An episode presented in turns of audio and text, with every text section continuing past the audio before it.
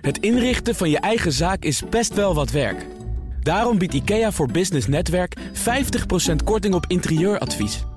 Word gratis lid en laat je werkplek voor je werken. IKEA, een wereld aan ideeën.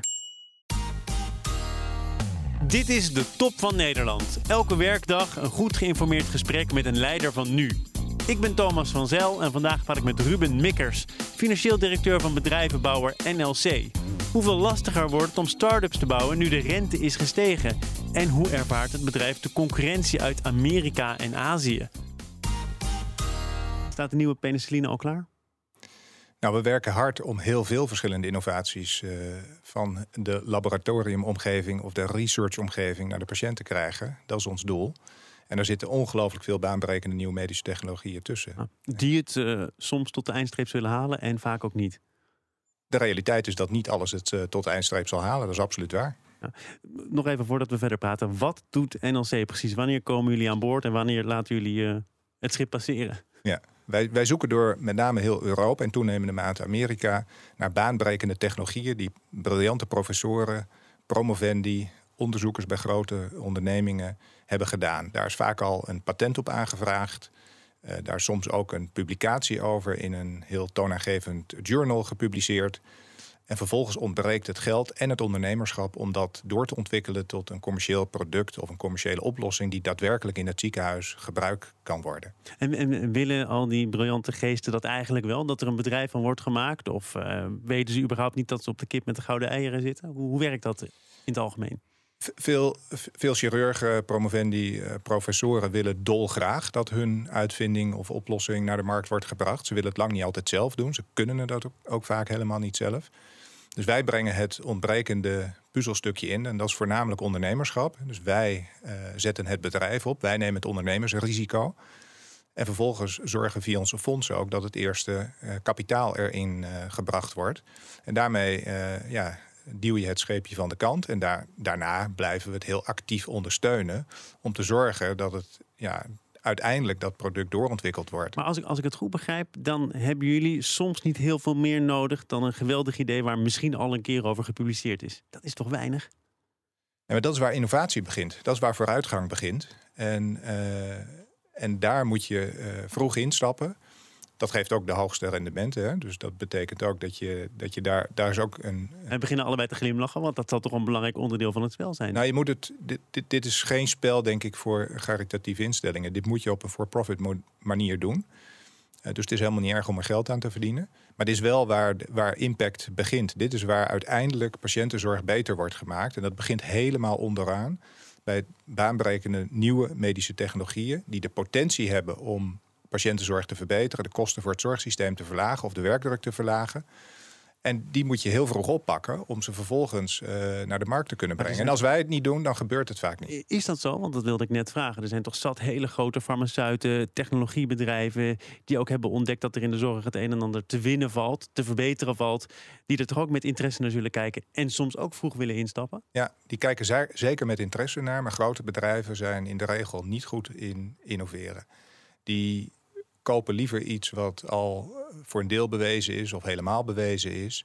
Die zijn niet goed in die hele vroege fase uh, iets, iets, van iets kleins uh, iets ontwikkelen. Daar zijn wij juist heel erg goed in. Dus die kijken zeker met interesse naar ons. Die partneren ook met ons. Het, kan dus, het kan dus eigenlijk ook gebeuren, in sommige gevallen, dat dat grote bedrijf nog iets heeft liggen waar te weinig mee gebeurt en dat jullie het overnemen. Dat, dat klopt. We, wij werken met uitvindingen die afkomstig zijn uit academische ziekenhuizen of uit universiteiten. En dat, kan een Technische Universiteit Eindhoven zijn, of het Leids Universitair Medisch Centrum, of Oxford in de UK.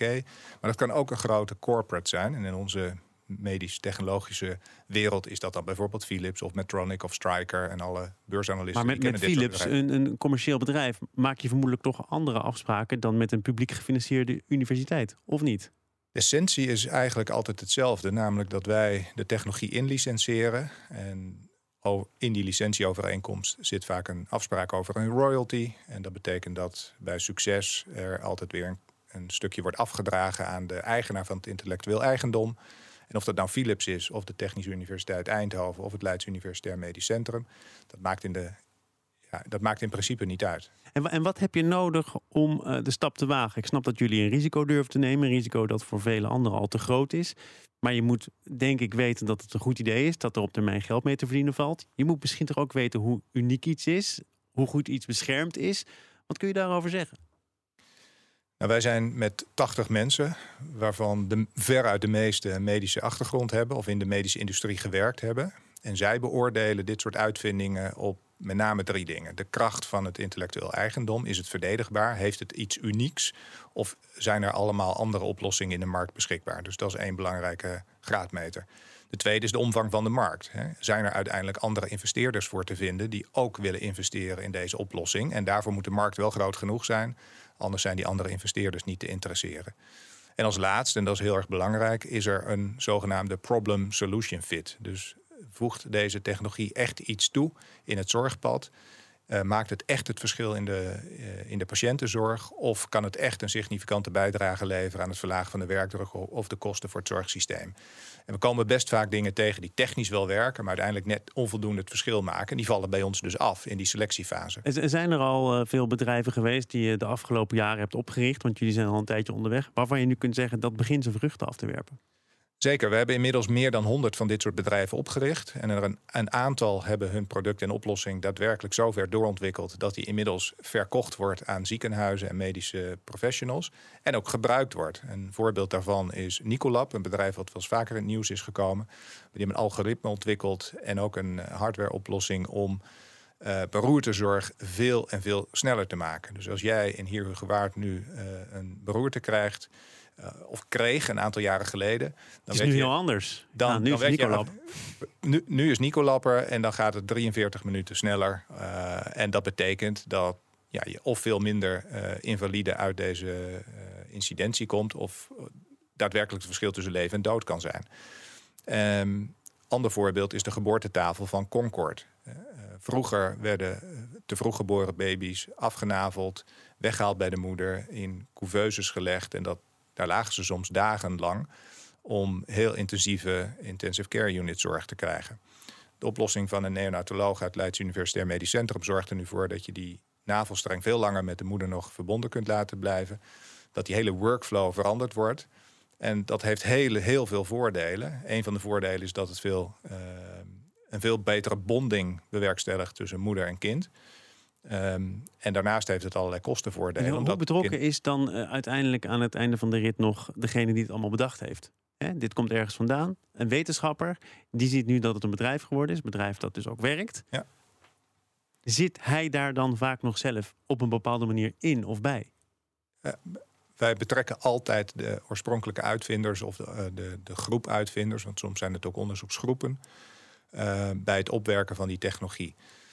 Maar het vereist wel een andere skillset om een start-up te leiden en groot te maken. Dus wij zoeken altijd naar een uh, ja, niet gerelateerde uh, derde uh, eh, CEO, statutair directeur, die we aanstellen als de ondernemer op de, op de start-up die we opzetten. En die ondersteunen we dan in het groot maken tot, tot scale-up. Maar dat is iemand met een medische achtergrond? Of is dat, iemand die vooral weet hoe je een bedrijf moet leiden? Ja, het liefst beide. Uh, dus vaak iemand uit de medische uh, industrie, maar die ook wel weet hoe je bijvoorbeeld investeerders moet toespreken en moet interesseren. Uh, en die überhaupt weet hoe, hoe je een product op de markt lanceert. hoe je bijvoorbeeld toestemming krijgt om de Amerikaanse markt op te gaan. Um, maar voor het doorontwikkelen van de technologie specifiek uh, involveren we altijd de achterliggende uitvinders. Dus die hebben je, altijd je noemt uh, twee bedrijven waar het uh, bij gelukt is. En ik neem aan dat de succesratio wat hoger ligt dan 2 op de 100. Hoop ik althans voor je. Ik, ik zou nog een aantal voorbeelden kunnen noemen. Nou, gelukkig maar. Maar het gaat ook mis. waar houden jullie rekening mee?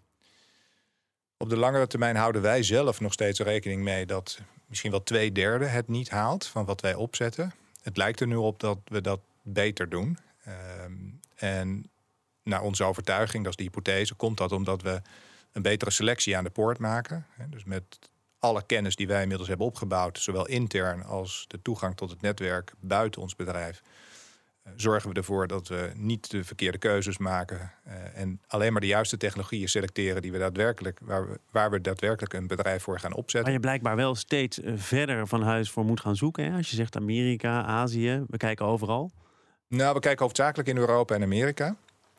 En, en dat is gewoon een, een, een, olievlek. Hè. We, we groeien en daarmee ja, kunnen we meer van dit soort uh, proposities beoordelen. Uh, en we zien ook dat er grote ziekenhuisketens als de Mayo Clinic in de VS geïnteresseerd zijn om met ons samen te werken, omdat wij een unieke capability inbrengen, namelijk het valoriseren van een technologie die op dat moment nog geen bedrijf heeft, geen geld heeft, geen plan, geen leiderschap, et cetera.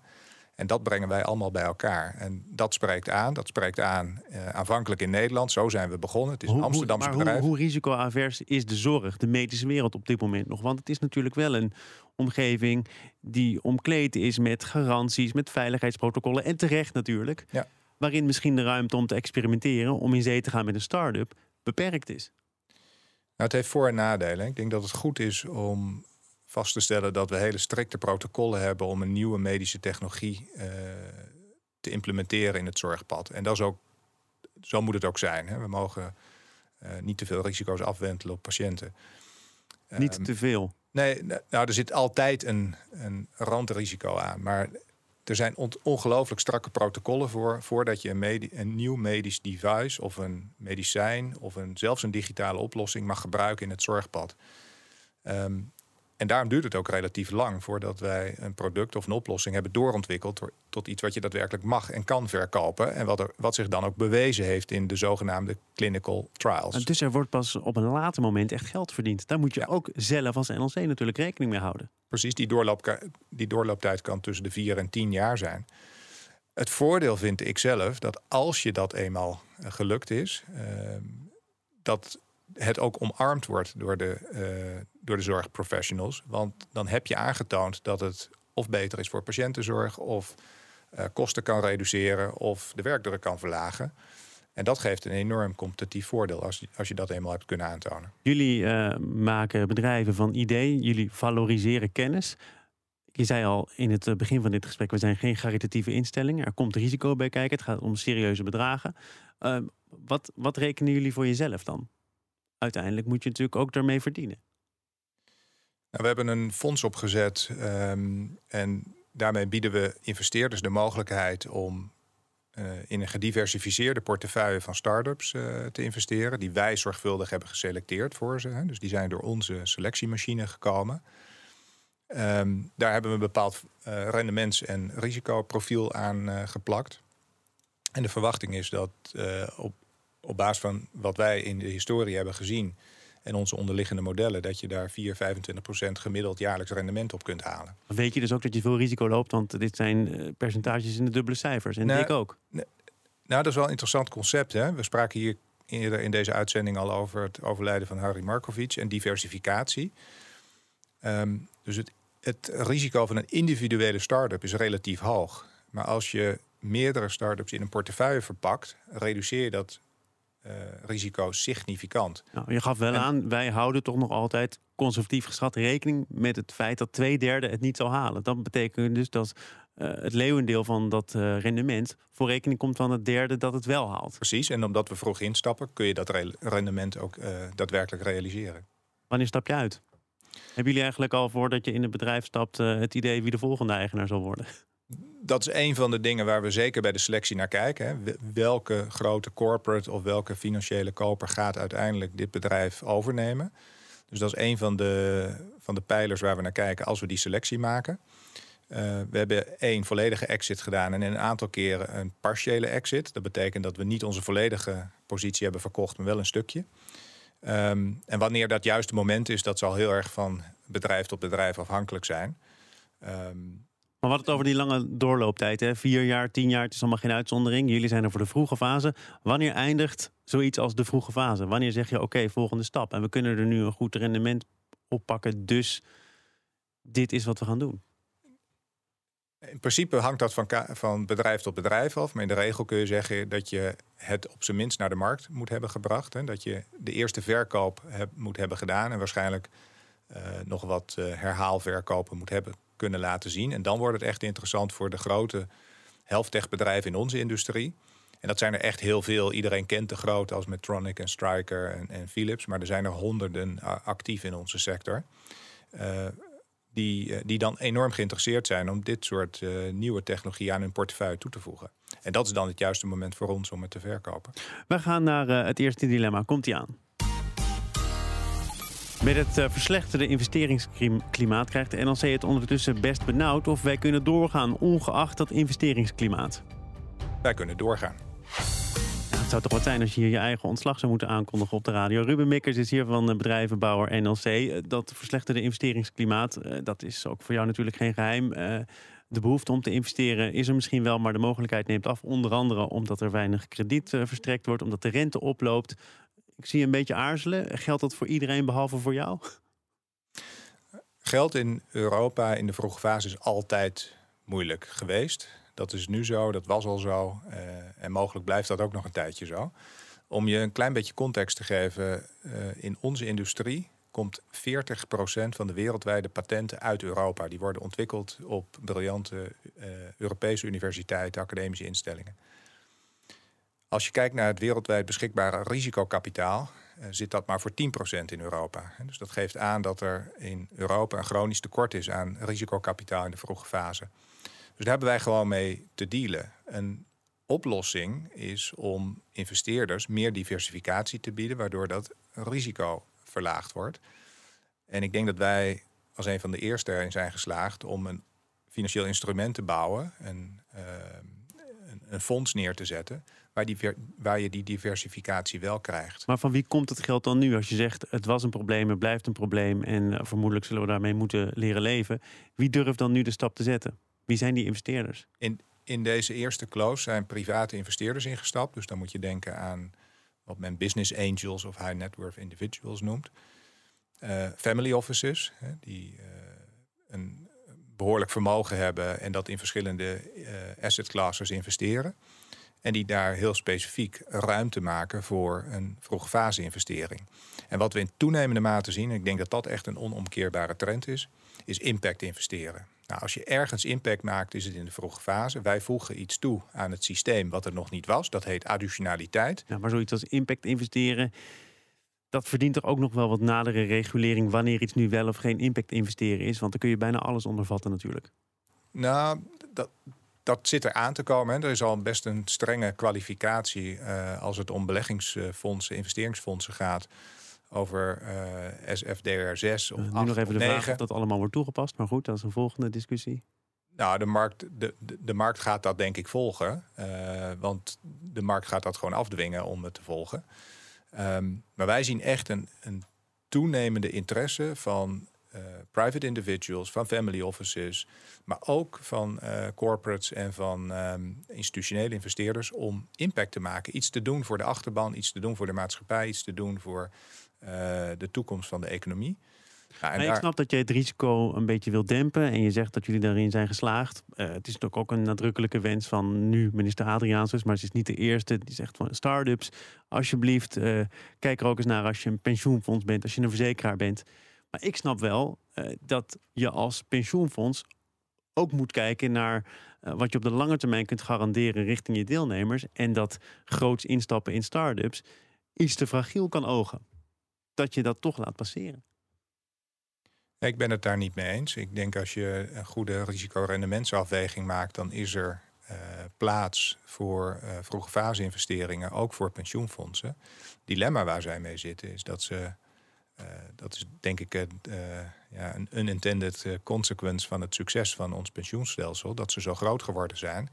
Dat ze hele dat grote bedragen in ja. één keer moeten wegzetten. Ja. En bij ons in die vroege fase gaat het om investeringen van 150.000 euro, 250.000 euro, 500.000 euro. Zit geen zoden aan de dijk voor nou, een pensioenfonds? Je, voor een pensioenfonds wat miljarden moet wegzetten, daar ligt het dilemma. Maar het,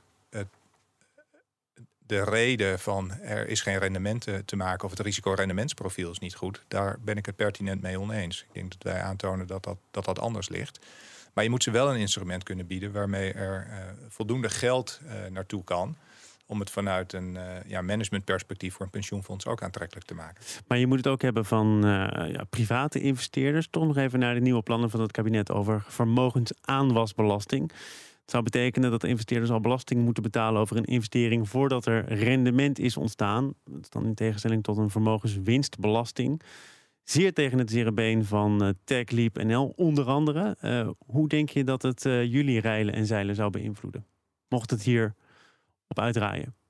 Nee, ik steun de oproep van, van TechLeap en, en Prins Constantijn om echt serieus te kijken wat, wat hiervan de mogelijk negatieve consequenties zijn. Um, wij kijken wel eens naar het Verenigd Koninkrijk, waar men heel anders met uh, vroege fase investeringen voor business angels omgaat. Die krijgen daar zelfs aftrek op een inkomstenbelasting. Uh, er is geen capital gains uh, tax en de verliezen kun je soms zelfs ook nog compenseren.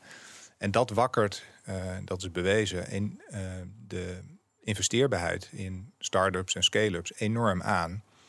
Ehm, dus wij moedigen TechLeap en vooral ook de politiek wel aan om daar serieus naar te kijken. Want dat kan echt een serieus verschil maken in het aanjagen van innovatie. En uh, het creëren van een ja, toekomstige economie waar we allemaal weer Maar hoeveel uh, appetite is er nu dan? Want ik begrijp dat jij met gemak meer dan die 20 miljoen had kunnen ophalen, toch? En jullie ambities liggen nog wat uh, hoger dan dat bedrag. 100 miljoen is wel eens voorbij gekomen. Komt dat dan in gevaar op het moment dat er fiscaal iets verandert?